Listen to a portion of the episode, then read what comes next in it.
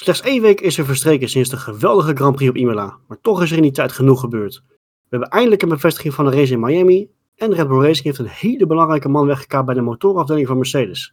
Maar natuurlijk gaan we vooral vooruitblikken op de Grand Prix van Portugal op het circuit van Portimao. Laten we dus maar snel beginnen met Studio Formule 1.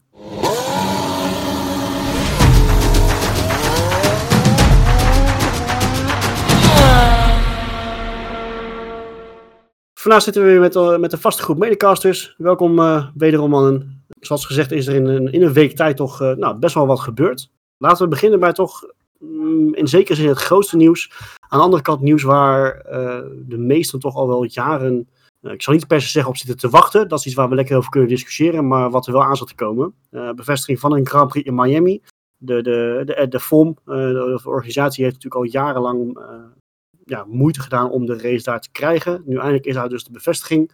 Het circuit is ook al gepresenteerd. Er zijn al wat, uh, wat, wat, simulaties uh, op YouTube ge, gegooid van, van het circuit zelf. Wat, wat vinden we ervan? worden we er een beetje warm van buiten het Miami weer? Of nou, was het misschien toch niet nodig volgens jullie? Nou, als ik zo kijk naar de, de layout van het circuit, heeft het volgens mij wel een, een lekkere flow. Dus ik denk dat het voor de coureurs misschien wel een leuk circuit is om te rijden. En ik denk dat je daar ook ja, wel je ei in kwijt kan om daar uh, lekker een uh, goede, snelle ronde neer te zetten. Maar of het echt ook een uh, ja, goede baan is voor de fan om naar te kijken tijdens de race, dat, dat moet ik nog maar zien. Ja, ja het lijkt een beetje op Sochi eh, als ik zo de onboardbeelden bekijk. Dan is het net of Sochi uh, nou gewoon uh, in Miami uh, dat verplaatst hebben. ja, bijna dus, wel. Hetzelfde type layout. Wel vrij snel. Maar niet dat ik zeg van, daar word ik heel erg warm van. Als ik eerlijk ben. Nee, en nog een overeenkomst met Sochi is denk ik de, uh, het, het, idee van de omgeving. Hè? Want het gaat natuurlijk om, het, om zo'n zo mega stadion gaan ze het circuit bouwen. En Sochi natuurlijk om het Olympisch dorp heen. Dus hè, een beetje een, een, een publiekstrekker eromheen. En dan uh, een circuit ja, daaromheen gebouwd, bij wijze van. Maar inderdaad, de, dat, is, dat is toch wel een beetje de, de, de, overweldigende reacties die ik lees, zijn inderdaad toch niet heel enthousiast. Uh, weer een straatcircuit, weer een een of andere Tielke-droom. Terwijl het niet per se de fout is van een stratencircuit. we hebben natuurlijk hè, Baku, wat, uh, wat echt uitdagend is, leuke races met zich meebrengt. Ehm, dus het, het, kan wel, maar nou, het is iets, hè, Formule 1 wil gaan naar Amerika toe, willen gaan naar een tweede race.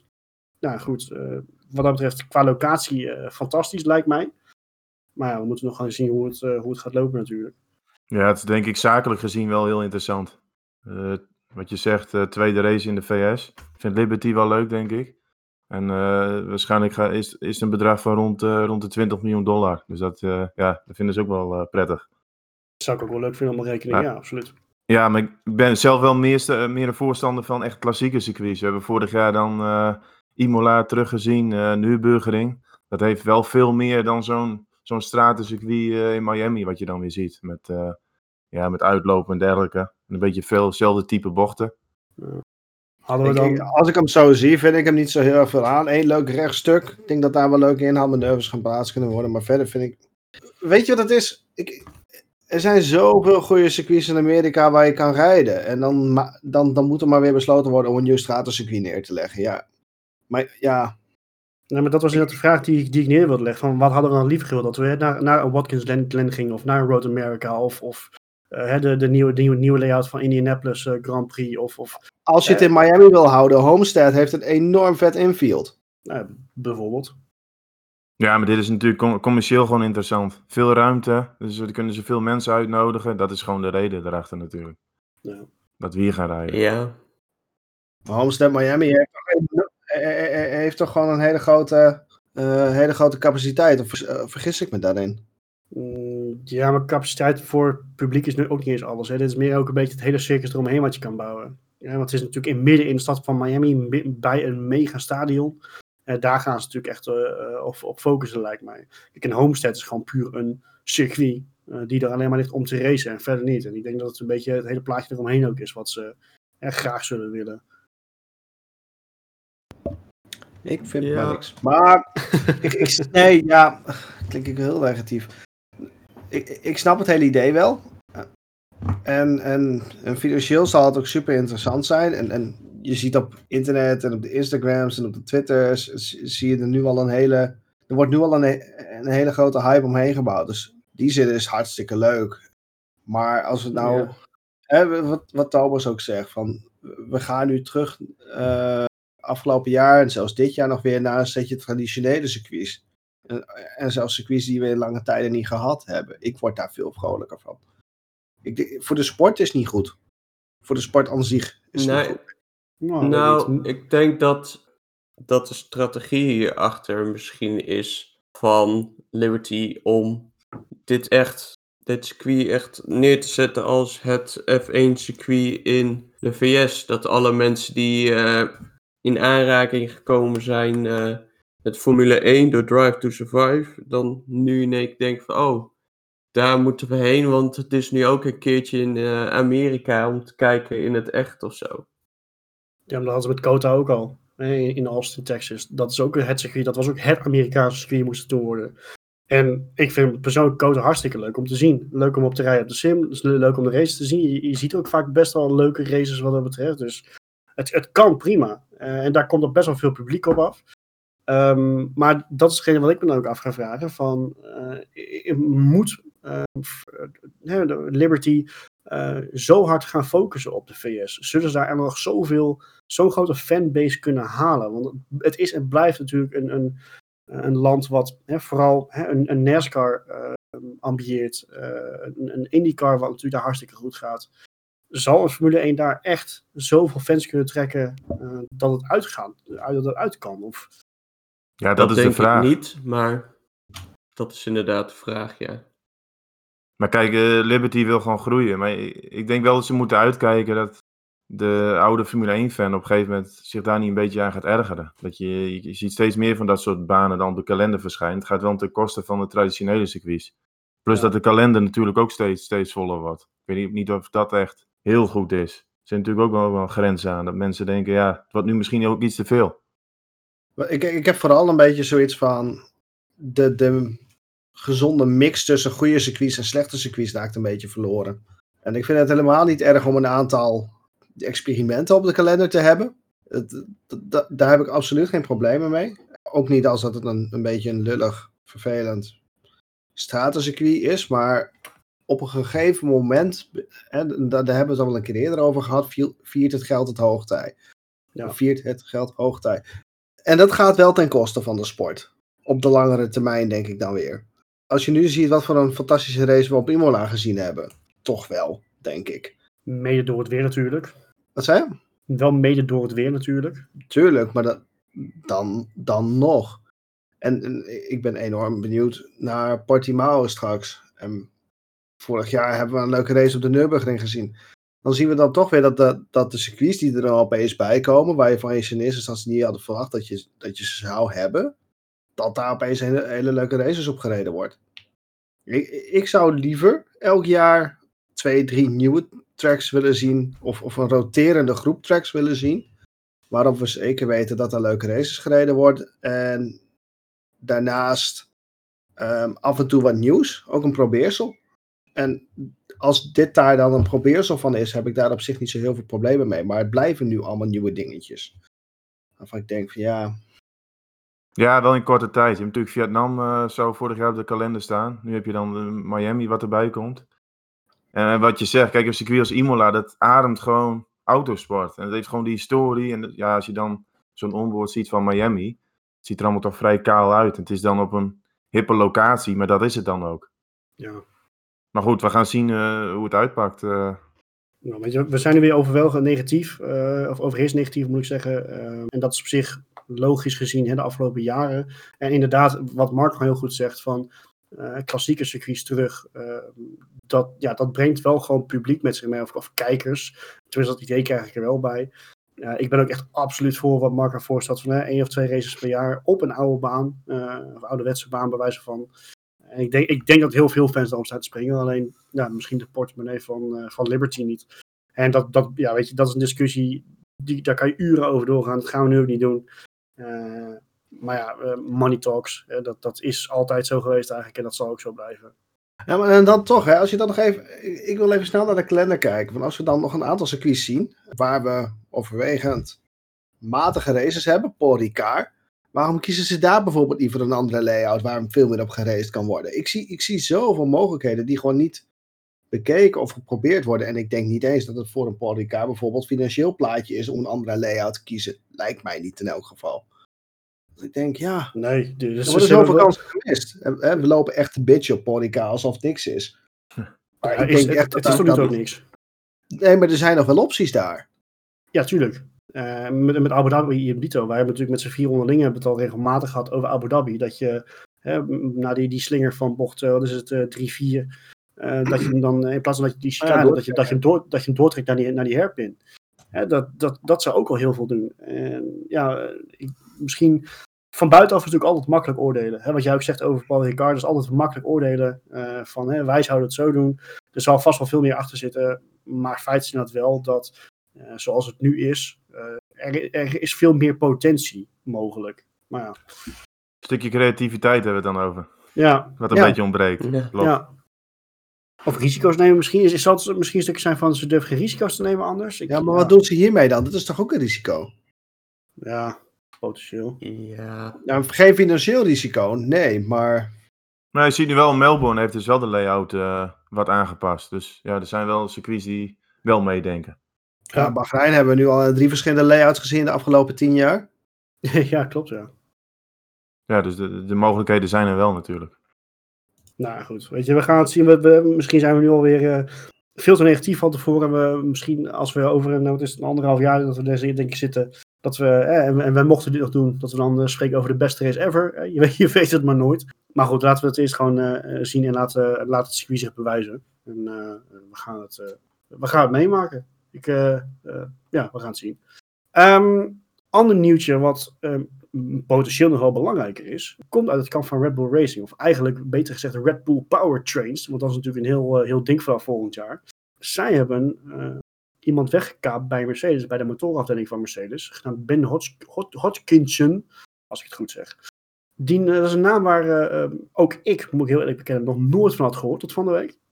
Ehm, totdat dus nou, het, het nieuws bekend werd en ik toch een beetje ging kijken wat hij allemaal ja, heeft gedaan tot nu toe. En hij is toch voor Mercedes een hele belangrijke man. En ik las ook echt wel wat, wat eh, artikelen alweer dat Mercedes toch echt wel wat zorgen heeft over het vertrek van hem naar, naar Red Bull.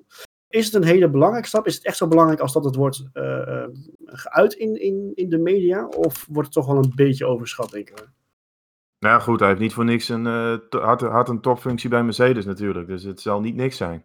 Wat wel zo is, is dat de motoren zijn bevroren van 2022 tot en met 2025. Dus Mercedes heeft wel tijd om daarop in te spelen, denk ik. Maar dat het een grote meneer is in, eh, op het gebied van motoren, dat is wel duidelijk. Dus ik denk wel dat Red Bull echt wel een goede stap eh, aan het zetten is met deze man. En er wordt al gesuggereerd dat hij misschien een aantal mensen van Mercedes eh, wil meenemen. Dus dat, ja, dat zal natuurlijk ook al lang gepolst zijn, denk ik. Dus dat kan wel een verlies zijn voor Mercedes. Ja, want be- gaat het dus ook betekenen dat we dus eh, dat Red Bull eh, hun, hun eigen motor gaat ontwikkelen voor 2025 en verder? Hè? Want dan krijgen we natuurlijk weer een nieuw motor, motorreglement. Gaan ze dat dan ook echt, dat, daar is nog niks van bevestigd volgens mij toch? Want zij, ze gaan de Honda-motoren eh, gaan zij in beheer hebben tot en met, eh, tot aan het nieuwe reglement er is. Maar van daarna is volgens mij nog niks bekend, dacht ik. Nee, maar dan zullen ze met deze set, ze houden natuurlijk niet voor niets zo iemand binnen. Zullen ze echt wel vanaf 2025 zelf eh, iets gaan ontwikkelen. Ja, Want an- Even- anders haal je zo iemand niet binnen. Maar hoe zit het nu met de periode tot, eh, tot het einde van het reglement? Wat voor invloed zou die man op dit moment nog uit kunnen voeren dan? Eh, voor zover ik het heb begrepen, mag hij. eh, je, je zit natuurlijk met die regels dat je niet zomaar mag overstappen naar een ander team. Eh, wat ik heb begrepen is dat hij pas eind volgend jaar, dus eind 2022, Ah. mag hij eh, beginnen bij zijn nieuwe rol. Vermoedelijk is er tegen die tijd ook al wat meer bekend over het nieuwe reglement. Ik weet ook niet of, of daar al een, een soort van deadline voor is wanneer ze dat willen gaan eh, nou introduceren, bekendmaken. Ehm, maar in ieder geval mag hij dus eind volgend jaar mag hij daadwerkelijk daar gaan beginnen daar zo. En ik denk dat ze dan langzaamaan kunnen gaan voorbereiden op nou ja, wat er komen gaat. En ja, dan zouden ze een hele mooie voorsprong in die zin kunnen hebben. Dan verwacht je wel dat ze inderdaad een eigen, eh, Ja, een eigen engine gaan eh supplyen, om het zo maar te zeggen. Zouden ze dat dan ook gaan doen voor AlphaTauri? Ja, dat zou gewoon hetzelfde motoren, zullen dezelfde motoren dan worden. Maar dat hebben ze niet altijd Ja. gedaan. Hè? Nee, maar goed, eh, als ze het in eigen beheer hebben, is het qua kostenplaatje natuurlijk veel interessanter. Nee, zeker waar. en je Ja. hebt meer data. En wat je zegt, kijk, de ontwikkeling, dat gaat echt jaren van tevoren begint dat al. Hè? Als dat, dat reglement van 2025 eenmaal bekend is. Dus we beginnen jaren van tevoren. Dat is ook waarom Mercedes met die hybride motoren gelijk eh, het goed voor elkaar had. Ze waren gewoon eerder begonnen. Ze, hadden, ze waren al verder op dat gebied. Hadden veel meer kennis aan boord. Ja. Ja, want ehm, ehm, ik zit even te denken hoor, van... ehm, nee, wat ik eigenlijk wilde vragen, ehm, zal, zal, eh, gaat het echt puur onder de Red Bull naam, dus dat het echt gewoon Red Bull Powertrains wordt, of zullen ze het bijvoorbeeld nog eh, in samenwerking met een andere grote naam gaan doen? Want daar wordt natuurlijk ook regelmatig over gesproken. Er wordt al jaren eh, echt openbaar geflirt met onder andere Porsche en BMW en nog eentje die ik niet kan op kan komen. Zal misschien dat nog iets worden? Of zullen ze echt gewoon helemaal privé die motor gaan ontwikkelen? Ja. Ja, maar ik vermoed wel dat ze daar een beetje op mikken. Dat je, als je bijvoorbeeld een badge van BMW, laten we zeggen, erop hebt, dan zullen zij ook een deel eh, financieren. Ja. Ik denk dat, dat je een beetje daarop doelt. Dat ze dus wel die powertrain zelf ontwikkelen, maar dat bijvoorbeeld gewoon een badge van Porsche of wat dan ook opkomt. En die betalen daar weer voor, waardoor je de ontwikkelingskosten ook weer voor een deel weer terug hebt. Nou, ik, ik doelde echt zelf echt ook op dat, dat een, een Porsche technisch mee gaat helpen hoor. Dat was eh, wel een beetje, eh, want het is al lang bekend dat Porsche dat, ehm, eh, dat, dat ze best wel interesse hebben. Alleen dat de kosten er gewoon eh, te hoog het moment dat je het in zo'n combinatie kan doen, eh, Ja. dat het dan misschien wel wat kan zijn. Dat het wel een combi-project wordt. Ja, dat denk ik ook. Ik denk wel dat ze daar een beetje op mikken. Want dan, eh, worden de kosten natuurlijk lager en je hebt de kennis van een, bijvoorbeeld een Porsche nog erbij. Dus ik denk wel dat ze daar een beetje eh, zich op richten. Dat is veel Dus interessanter natuurlijk. Eigenlijk eerder dat ze gewoon bij dat soort bedrijven de mensen ook proberen weg te halen. En dan gewoon alles intern te doen. Want dan heb je alsnog al die kennis. Dan heb je gewoon alles intern. En ik denk dat dat makkelijker voor ze is. Alleen financieel misschien lastiger. Ja, want dat is het ding. Als je alles intern gaat doen, dan moet je alles zelf lappen. En hè, dat is een beetje waar we nu op doelen. Van, eh, je, je- een, een Formule 1 motor ontwikkelen, dat kost gewoon verschrikkelijk veel geld. Eh, en dus als je ja, dat klopt. Maar doen- ik denk niet dat een, een Porsche of een BMW zonder zeg maar daar echt hun eigen naam aan te verbinden, daar tijd en geld in gaat stoppen. Hmm. Nee, maar wat je bijvoorbeeld zou kunnen hebben, is je hebt nu dat Red Bull eh, Powertrain, zoals het gaat, gaat heten. En dan meneer Hodgkinson die, eh, die aangesteld is. Dan zou je natuurlijk gewoon een badge van een automerk erop kunnen zetten. En daarmee verder, eh, verder gaan. Kijk, het heeft ook Tech Heuer, heeft het een tijdje, was, was de naam van de motor dan. Dat, dat kan natuurlijk ook. Ja, en, en plus, het, het, eh, ik denk zelf dat op het moment dat jij een, een grote naam als Porsche, wat echt helemaal de autosport natuurlijk echt gigantisch is, dat het Ja. ook gewoon voor de Formule 1 zelf heel erg positief en goed zou zijn. Ja, zeker. Eh, Dat, dat soort merken, dat is toch altijd interessant. eh hebben toch een grote naam in de Ja, kijk. racewereld. Ook andersom, hè, kijk naar het, het werk waar, waar Ferrari nu hun commitment hebben gegeven. Hè, dat, weet je, andersom werkt het net zo. Het, het werk gaat daar heel veel aan hebben. Ja, ja, absoluut. Maar ook als we even andersom eh, naar denken, van, vanuit Porsche perspectief, is het ook best interessant natuurlijk om gewoon te zeggen van, we plakken gewoon die badge erop. En wat support van Porsche, misschien met technisch personeel. Maar wat je weet nu, van Red Bull heeft daar een afdeling, die is goed. Die hebben goed personeel nu aangetrokken. Het risico is natuurlijk vrij laag. En als je het helemaal zelf van, vanaf de grond moet opbouwen, dan is het risico veel groter. Dat hebben we ook met Honda gezien. Ja, klopt. Die stapten dan een jaar later in en die hadden gewoon een gigantische achterstand. En nu is het zo, je hebt de kennis heeft Red Bull en je hoeft er alleen ja, eh, finan- financieel een beetje te ondersteunen. En je kunt je badge erop krijgen, dan wordt bijvoorbeeld Red Bull eh, Porsche. Dus dat is vanuit Porsche misschien ook wel interessant. Ja, absoluut. absoluut. Nou, weet je, dat, dat gaan we zien. Goed. Het enige andere, nou, eh, groot nieuws zou ik het niet echt per se noemen, maar wat nog wel het nieuws was, ehm kunnen we het even heel kort over hebben. Suzuka, eh, Grand Prix van Japan zal, eh, is, is verlengd tot en met 2024. Ja, het is natuurlijk een prachtig circuit om te zien. Prachtig circuit om te rijden. Potentieel wat minder mooi om echt op te racen, helemaal als het droog is met auto's van tegenwoordig. Happy, niet zo happy, wat eh, eh, hebben we dat over te melden? Ik denk dat het heel, heel positief is. Ik denk ook eh, nou, toch wel een beetje het verlengde wat we eerder eh, besproken hebben natuurlijk. Goede zaak dat er ook nog een handvol traditionele circuits op de kalender blijven. Ehm, en Suzuka is gewoon een fantastische circuit, denk ik. Fantastische fans. Fantastische fans. Ja, Kijk, kijk, kijk naar hun bedjes. Is fantastisch. Je mag het geen petten meer noemen volgens mij, maar nee. nee. Het, het, De term wist- inderdaad wel aardig uit. eh. het, is wel, het is wel redelijk typisch Japans dat je een Formule 1 auto gaat lopen cosplayen, toch? Ja, ja. Ah, wa- wat, ik, wat ik wel van. Kijk, ik ben persoonlijk niet een heel groot fan van Suzuka. Maar ja, weet je, dat is persoonlijk. d- dat kan. eh, niet boos worden. Maar wat ik wel echt heel mooi vind van Suzuka... is dat ehm, heel erg veel circuits... ehm, ook traditionele circuits zijn in de afgelopen jaren... ehm excuus voor, het woord... gewoon verneukt door uitloopstroken, asfalt eh, overal. Bij Suzuka heb je dat eigenlijk bijna niet. Hè, de, Nee. de, S, de S's is als jij in de S's eraf gaat, dan ga je er af en dan ga je er goed af. Eh, en dat, zie, dat mis je wel bij heel veel banen. Dus wat dat betreft vind ik het echt heel fijn dat ze daar eh, langer gaan, gaan komen en blijven. Ik heb op zich ook helemaal niet zo'n probleem met, met uitloopstroken voor de sake of uitloopstrook. Want echt, sommige circuits hebben dat best wel nodig. Tuurlijk. Maar de dunne lijn die je hebt tussen een fout maken op een plek waar je het niet wil maken of niet kan maken. En nou ja, rechtdoor schieten en ergens anders maar weer de baan op, terug opkomen. Die, die, die, die verdwijnt een beetje. Ik, ik vind, eh, om even een snel uitstapje te maken. Ik vind Monza Turn 1 vind ik echt een prima oplossing hebben. Voor als je daar een fout maakt en niet je race per se geëindigd wil hebben. Absoluut. In Ja. plaats daarvan moet je, door, moet je, moet je een, een driedubbele chicane doen. Of zoals Vettel vorig jaar deed, gewoon dwars door de schuimblokken heen klappen. maar dan is je race niet over. Maar je betaalt wel de prijs voor een grote fout maken. Ja, klopt. Het is natuurlijk echt zonde als jij bij één, eh, één keer verremmen dat je je race natuurlijk voorbij. Weet je, dat zou ook wel heel oneerlijk zijn. Hè, dus dat Precies. absoluut, absoluut met je eens. Maar het stukje veredelde parkeerplaats ben ik echt geen fan van. Nee, daarom. daarom. En Suzuka is dat niet. En ook Suzuka heeft zijn plekken waar je er echt wel een stukje af kan. zo- zonder dat je de problemen raakt. Chicane ook een voorbeeld trouwens.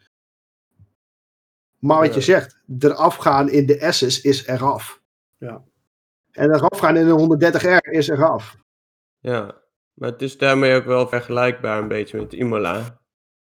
Daar is Ja. de afgaan, ben je over het algemeen ook het haasje. Is Ja. nou een hele flauwe gat naar Mazepin? Of? Ah, niet, niet nee. Eh, eh, we moeten het Eh, niveau een beetje, een beetje hoog houden, hè? Kom op. Wauw. Nee, ehm, in ieder geval, weet je, al heel gewoon enthousiast, positief. Eh, fijn dat we daar gewoon weer langer gaan blijven. Ehm, weet je, dus daar, eh, daar kunnen we ook niet heel, eh, zullen we ook niet heel erg veel woorden voor, voor nu aan vuil gaan, gaan maken. Ehm, Sowieso goed dat we, zo, dat wil ik er wel even aan toevoegen, denk ik. Sowieso goed dat we nog een circuit in Azië hebben. Ja, absoluut. Dat, dus, weet je, het blijft daarin denk ik nog steeds wel een beetje een belangrijke markt, ook voor de F1. Dus eh, dat, dat absoluut. Ja, zeker. Ehm, nou ben ik normaal gesproken redelijk goed in bruggetjes. Ik wil dat bruggetje maken van, nou, dan gaan we van de ene, ene ehm, traditionele circuit naar het andere traditionele circuit. Alleen Portimao is natuurlijk absoluut geen traditioneel circuit. Echter vind ik hem dat hij toch wel een beetje een, een, een, eh, nou, een soort van oldschool vibe heeft. Maar ik weet alleen niet zo goed waarom. We gaan er toch weer naartoe. Eh, onverwachts, denk ik wel. Want hij stond in eerste instantie, voor zover ik weet, niet op de kalender voor dit jaar. Eh, maar natuurlijk door alle prikkelen gaan we er toch wel weer, eh, wel weer heen. Eh, wat mij betreft heel positief. Wat jullie betreft ook, of zijn er toch wel wat vraagtekens? Ja, Nee, ik ben heel positief. Ik, ja, zeker. Het is een Ja, hartstikke mooie circuit, mooie hoogteverschil. En ja, levert het gewoon mooie races op. Het is heel wat anders dan nou ja, de veredelde keerplaatsen, zeg maar. En ja, de race van vorig jaar was ook interessant. Dus eh, ik ben wel voor. Ze mogen voor mij hier wel vaker rijden. Ja, het is Ja. ook echt een van de weinige nieuwe circuits met echt een bepaald eigen karakter. Ja. Het aantal eh, bochten waar je eh, heel snel naar beneden gaat en die dan echt, waarbij de bocht er blind ingaat, dat is gewoon heel gaaf om te zien. Vorige week ook eh, de MotoGP race gezien. En dan, ja, het is echt net een achtbaan. eh. het gaat echt constant op en neer en er zit een mooie flow in. Dus absoluut leuk dat we daar weer eh, naar terugkeren dit jaar. Ja, opvallend. Want ik vond ook dat we echt een opvallend leuke race daar ook hadden. Gewoon überhaupt. Hè, want je kon daar toch redelijk goed volgen. Eh, die, kijk, die laatste bocht is natuurlijk vol gas. Ik denk dat je daar niet heel erg veel last hebt van, van, van vuile lucht in, in een F1-auto. Dus inderdaad, ja, een, een positieve verrassing eh, voor mij in ieder geval vorig jaar. Als we gaan kijken naar de, naar de uh, krachtsverhoudingen. Um, hè, het is inmiddels wel redelijk duidelijk dat uh, Mercedes en, Red Bull uh, behoorlijk aan elkaar gewaagd zijn. Ik krijg zelf niet echt het idee dat we zo'n verhouding hebben van Mercedes op één circuit hartstikke goed en Red Bull op het andere circuit, zoals we bijvoorbeeld in voorgaande jaren wel hadden. Zie ik dat verkeerd of denken we echt inderdaad dat Mercedes en Red Bull op elke baan met elkaar gaan knokken? Nee, tot nu toe lijken ze heel erg aan elkaar gewaagd. Uh, als we de eerste twee races een beetje analyseren, dan, dan zien we eigenlijk dat uh, de Mercedes op de zondag heel sterk is. En de Red Bull voornamelijk op de zaterdag. En wat je dan ook wel terugziet, uh, is dat de Red Bull, dat zagen we afgelopen zondag ook weer. eerste deel van de race waren ze heel erg snel. Met Max Verstappen op de intermediates. Ze sloeg gelijk een gat de eerste paar ronden. En dan zie je qua bandenslijtage dat de Mercedes eigenlijk wel heel sterk is. Dat de Mercedes altijd op de langere stints weer een beetje terugkomt. En ja, je zag ook op de zaterdag dat, dat Bottas het moeilijk had. Waar zij een beetje problemen mee hebben, is gelijk om de banden echt in, het juiste window te krijgen voor uh, een snelle ronde of het begin van de race. En eerder hadden ze natuurlijk dat DAS-systeem. En dat DAS-systeem zorgde er gewoon voor dat ze direct die banden uh, op de juiste temperatuur hadden.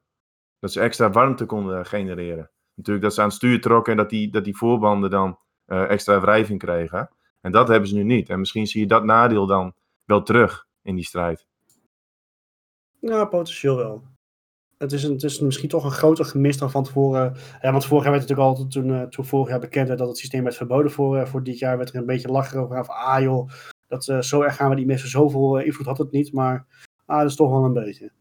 Ja, maar wat, wat ze ook altijd deden was voor een herstart of voor een vliegende ronde in de kwalificatie. Dan zag je ze toch wel aan het stuur trekken om die, die band op de juiste temperatuur te krijgen. En ja, dat, dat hebben ze nu dus niet. En dan zie je wel een beetje terug van. Uh, ze zijn qua bandenslijtage nog steeds goed. Maar eigenlijk is Red Bull in de kwalificatie wel sterker. Kijk, afgelopen weekend heeft. Uh, of vorig weekend heeft Verstappen geen pole gereden. Maar die zei zelf ook wel, was gewoon een hele slechte ronde. En nog stond hij heel dicht op Hamilton. Dus dat zegt ook wel wat. En we zagen ook dus in die eerste stint, wat ik al zei, van je zag Hamilton aan het eind, zag je gewoon dat zijn voorbanden in, een betere conditie waren dan van Verstappen. En dan zag je hem ook uh, terugkomen.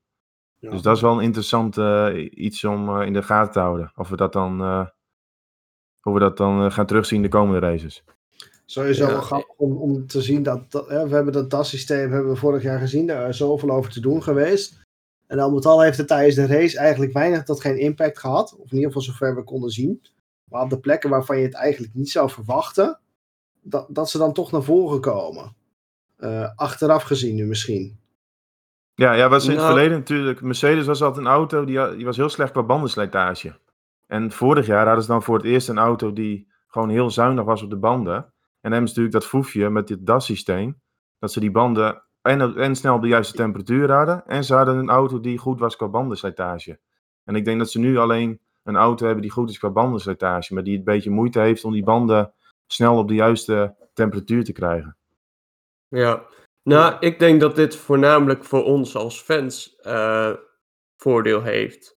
Ja. Omdat je dan minder krijgt van, oh, uh, Mercedes is op zaterdag het snelste, staat met z'n tweeën vooraan, rijdt zondag uh, tot aan de horizon en de rest die ploetert een beetje erachteraan. Nu krijg je dus dat, zoals we gezien hebben, dat Mercedes aan het begin wat moeite heeft. En er zijn andere teams zoals Red Bull en McLaren die nu ook zeg maar, op de zaterdag meer in de buurt komen. Wat ervoor zorgt dat de race op zondag gewoon langer spannend blijft. En dan is het zien uh, of de Mercedes het aan het eind gaat halen. Om zeg maar terug te pakken wat ze op de zaterdag verloren hebben. Ja, ja dat is ook zo. Dat zag je ook de eerste race in Bahrein natuurlijk heel goed. Kan je Verstappen daar met 14e pole position. Maar in de race was het eigenlijk echt 50-50. Ja, dus dat zou het gewoon heel interessant maken. Als dat beeld, dan zie je dus dat de Mercedes op zondag misschien wel iets betere auto heeft. En de Red Bull echt op de zaterdag uh, de beter, het betere pakket. Ja, terwijl het afgelopen jaar toch meestal andersom was. Als ze aan elkaar gewaagd waren. Dus dat is wel grappig. Ja, klopt. Maar dat, dat, dat zag je bij Mercedes. Die, die waren qua bandenslijtage dan drie, vier jaar geleden. Daar waren ze gewoon eigenlijk zwak. Was dat het enige zwakke punt wat ze altijd hadden. Ja. Was dat de banden gewoon heel snel sleten. En dan hebben ze natuurlijk hebben ze dat voor elkaar gekregen. En hebben ze door het DAS-systeem hebben ze het nadeel ook weer een beetje opgelost. Hadden ze opgelost. Ja, goed. Uh, ja, nee, goed. Weet je, daar, is, daar, daar kunnen we natuurlijk ook heel lang over, over discussiëren. Het feit is net wat Chris gewoon zegt. Dat vind ik het belangrijkste. Dat, we, dat het aan elkaar gewaagd is. Dat we nu gewoon niet kunnen zeggen van Mercedes gaat winnen, Red Bull gaat winnen of, of whatever. dat, dat is echt afwachten op, op de vrijdag en de zaterdag kijken van hoe het, hoe het gaat lopen. Ehm, zijn er teams uit op revanche? Ik kan er wel een aantal, aantal bedenken natuurlijk. Ja, ook wel een aantal rijders, denk ik. Ja, daarom. Ja, ja, ja ik denk al die, alle nieuwkomers een beetje. Ricciardo, Alonso. Ja, goed, want we hadden het daar in de vorige aflevering over. Dat heel veel uh, coureurs die van team zijn geweest, want die hadden het echt heel lastig. En dat, dat viel op een gegeven moment in de media, zag je ook een aantal artikelen van dat het toch wel is dat heel veel coureurs die gewisseld zijn, die hadden echt moeite met het tempo uh, te, te, houden. En natuurlijk, wisselen om omstandigheden, dat hielp natuurlijk niet. Maar het, het, het viel op een gegeven moment wel op. Uh, nou goed, wat dat betreft zou Portimao een betere kans moeten zijn. Maar inderdaad, als je het, uh, een aantal mensen hebt, dan heb je het over Ricciardo en Alonso en, uh, en ik denk ook vooral aan Vettel. Dat hij hopelijk een keer een fatsoenlijk weekend, weekend zal hebben. Maar dat heeft met meerdere factoren te maken, denk ik. Het begint langzaam maar zeker ook wel tijd te worden voor de coureurs die, die overgestapt zijn te laten zien dat ze het kunnen. Hè? Ja, daarom. Zeker een, een Vettel valt mij op dit moment zwaar tegen. En Perez dan denk ik ook wel. De enige die het voor mijn idee echt laat zien dat hij een goede overstap gemaakt heeft, is Sainz. Ja. Denk ik dan. Ja, absoluut. Maar daar houdt het echt wel mee op op dit moment. En, ja, twee races is prima. Maar ik denk bij drie, vier races. Ja, Ricciardo heeft volgens mij zelf gezegd: ik heb er zes nodig. Ja, Perez vijf, dus dat is wel een eentje minder. Ja. maar goed, ik denk, ja, ja, je moet wel inderdaad die progressie nu uh, gaan zien. Want het is alweer het derde weekend dan. Mag je toch wel iets, uh, iets meer gaan verwachten van die mannen. Ja. En zeker als je kijkt naar Red Bull, des te langer je niet gaat presteren in die tweede auto, des te verder je achter het constructeurskampioenschap aan begint te lopen. Ja, helemaal vorige race was natuurlijk hè, de kans om punten te scoren, omdat Bottas natuurlijk uh, even eruit gemaaid werd. Hè, maar ja, dan maakt het extra zuur. En in wat je zegt van, ze hebben nu een, tweede, een potentieel sterke tweede coureur, zodat ze een, een constructeurskampioenschap ook binnen kunnen halen. Dat was het idee. Ja, valt een beetje tegen tot nu toe. Ja, ja, ja die... even terugkomen op Vettel, die als eerste noemde Marco. Ik denk dat Vettels rol in het team heel anders is dan bij de anderen. Hoe bedoel je dat? Ik denk dat ze Vettel eigenlijk meer als een soort van testrijder hebben aangenomen dan... Nee, man. Nee, hij moet gewoon presteren. Nou, Doet hij gewoon niet. Nee, kijk, jij... nee, dat klopt. Dat doet hij inderdaad ook niet. Maar hij is wel zeg maar de eerste die op sliks gegooid wordt. Hij is degene die uh, voor het einde van de race naar binnen gehaald wordt. Wat natuurlijk uit tactisch oogpunt is. Maar weet niet, ik heb een beetje het idee dat uh, Vettel, omdat hij juist zoveel ervaring heeft, nu als een soort van testrijder tijdens het seizoen gebruikt wordt om de auto beter te maken. En waardoor uiteindelijk uh, Lance daar degene van is die daarvan gaat profiteren. Hmm. Nou, dat idee heb ik zelf niet echt. Nee, Kijk, Aston Martin heeft de, de boel overgenomen eh, van, van de Racing Point. En die willen, die willen gewoon presteren om het merk in de markt te brengen. En ja, dat Vettel op sliks gezet werd, dat was gewoon dat hij achteraan reed. Dus dan kun je een gokje nemen. Hij had toch niks meer te verliezen. Dus niet zozeer denk ik dat hij als testrijder... Uh, want het is wel een dure nee, testrijder. Zo. Zeker, maar ik, ik ben bang dat hij zeg maar, zeg maar elk race weekend op die manier wordt ingezet van oh, hij heeft toch niks te verliezen, uh, doe maar een gokje. Ja, maar het, da daarom moet hij, moet hij dus op snelheid gaan komen. Ja. Uh, anders ja. Dan, blijf, dan blijf je iemand op een alternatieve strategie zetten en dergelijke. Dat is natuurlijk niet uit luxe. Nee, klopt. Maar ik ben heel erg nieuwsgierig hoe dat zich gaat ontwikkelen. Ik vind het heel ver gezocht, maar wel interessant. Ik, uh, kan, ik kan me haast niet voorstellen. Maar goed, ik hoop vooral, en dat, dat is hij ook gewoon verplicht aan, aan eigenlijk iedereen om uh, wel wat beter te gaan presteren komend weekend. Ja, weet je, we gaan het gewoon zien wat er, wat er gaat gebeuren komend weekend. Ik heb er ontzettend veel zin in, volgens mij jullie ook. We gaan toch eventjes weer, wel weer even schaamteloos voorspellen. Ik wil graag een, wel weer een top 3 van jullie. In dit geval ga ik hem eerst zelf aftrappen, omdat ik denk ik gewoon de meest saaie heb. Uh, want ik verwacht gewoon heel simpelweg Max Verstappen 1, Lewis Hamilton 2, Valtteri Bottas 3. Um, ik verwacht daar niet heel veel bijzonderheden in, mede omdat het waarschijnlijk gewoon, uh, gewoon droog zal, uh, zal blijven. Tenminste, dat wordt nu voorspeld, dat weet je natuurlijk nooit. Maar het is niet echt een, volgens mij niet een periode waarin er heel veel regen valt, heb ik het idee. Dus ik, ik hou hem gewoon lekker saai. Ik ben benieuwd of jullie wat anders hebben. Perez weer een zwak weekend dan? Niet op nou, niet, niet per se zwak, maar niet op het podium inderdaad. Nee, die, gewoon, die rijdt er gewoon achteraan op, op P4, denk ik. P4, Oké. P5. Hm. Ja. Hebben jullie een, een, een, een wat interessantere, Thomas? ja, ik heb wel een interessantere, ja. Hm. Hey, in Max Verstappen zet ik ook op één. Ik denk, eh Portimao heb je een paar bochten waar je vrij kort moet afdraaien. En de Red Bull met de korte wielbaas, denk dat dat het op zich wel goed, goed past. Eh, Hamilton op twee. En dan ga ik op drie voor, eh voor Leclerc. Die heb ik vorige keer al op het podium gezet. Oeh. Is net niet gelukt. Maar dit is ook een circuit, ik denk dat motorvermogen hier iets minder grote rol speelt. Dus misschien dat Ferrari wel iets, ja, nog iets dichterbij kan komen. Je hebt wel een lang rechtstuk hoor. Ja, dat wel, maar voor de rest is het wel, wel vrij bochtig. En vorig jaar werd hij hier geloof ik ook vierde. hè? Ja. En toen hadden ze nog een slechtere motor. Ja, dus ja, nu met iets meer vermogen zou ik zeggen van nou, moet misschien op podium mogelijk zijn. Ik, ik ga dat beeld trouwens nooit meer vergeten. Want volgens mij was het een van de alfa's die eh, op het rechtstuk gewoon door, door drie auto's voor mij voorbij werd geblazen. Ja, dat was Rijko dat, eh, toen met zijn superstart. Die, die, Ja. die, die behaalde 12 man geloof ik in eh ronde 1. Ja, dat wel, maar die was ook direct die drie kwijt op het rechtstuk toen. Dat was echt, dat, dat, die ga ik niet snel vergeten, dat beeld. Dat was echt wel een teken Nee. voor, voor, de Ferrari motor toen. Maar goed. Ja, maar vond toen zat Leclerc er al redelijk bij. Ik denk nu met, met een iets betere motor, dan Ja. ja. kan hij wel aardig meedoen misschien. Nou, we gaan het zien. Het zou heel mooi zijn voor de sport en voor Ferrari. Dus wat dat betreft... Waar, waar, waar eindigen de McLaren's bij jou dan? Eh, Daar ben ik dan wel even benieuwd naar. ja, die, die worden dan vierde team. Ik denk McLaren eh vind ik vooral heel sterk op de, op de rechte stukken. En dat heb je hier iets, iets minder. Ja, het, het rechte stuk bestaat finish dan, maar voor de rest is het wel iets minder. Dus dat zou bij mij dan het vierde team zijn. Dan zit je plek 5, 6, 7, 8 misschien. Maar het zit heel dicht bij elkaar. Dus ja, weet je, een klein foutje in kwalificatie en je staat gelijk eh vier, vijf plekken naar achteren. Maar ik denk, Leclerc die kan dat wel. Dus dan, ik geef ze wel een kans.